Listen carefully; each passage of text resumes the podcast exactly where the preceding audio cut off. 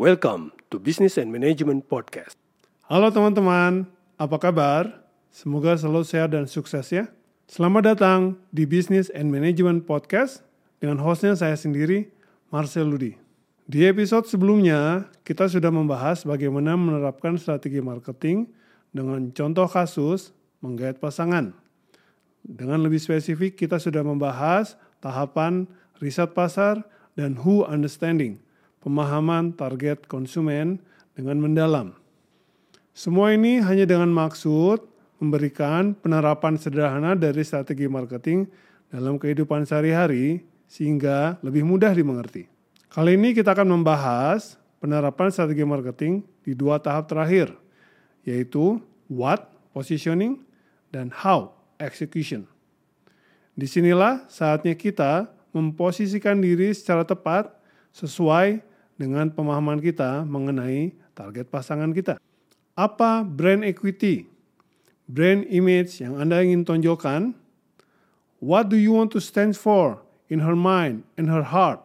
Brand image atau brand equity apa yang ingin Anda tonjolkan?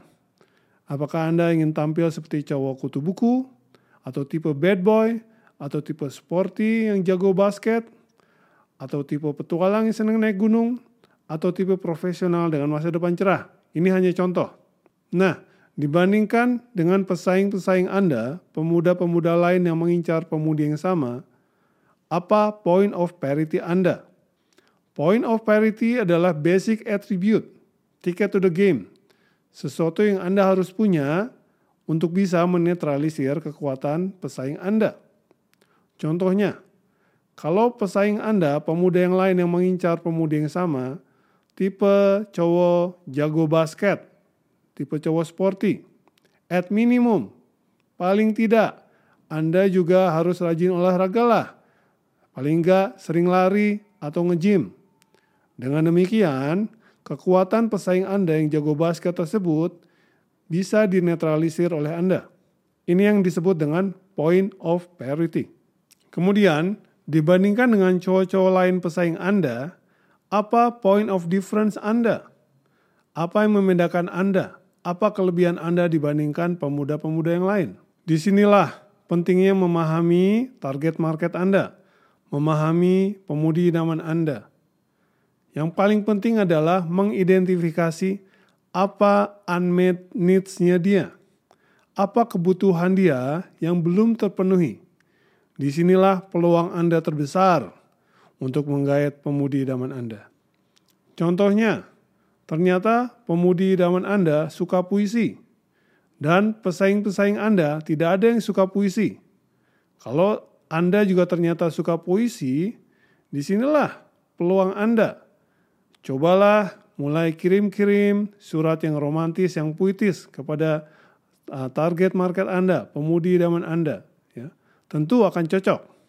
Ini akan menjadi poin pembeda Anda, point of difference Anda dibandingkan dengan pesaing-pesaing Anda yang lain. Tahapan terakhir adalah how execution. Yang paling penting adalah who, what, how haruslah konsisten, harus sinkron. Jadi eksekusi harus sinkron dengan strategi yang sudah dirancang sebelumnya.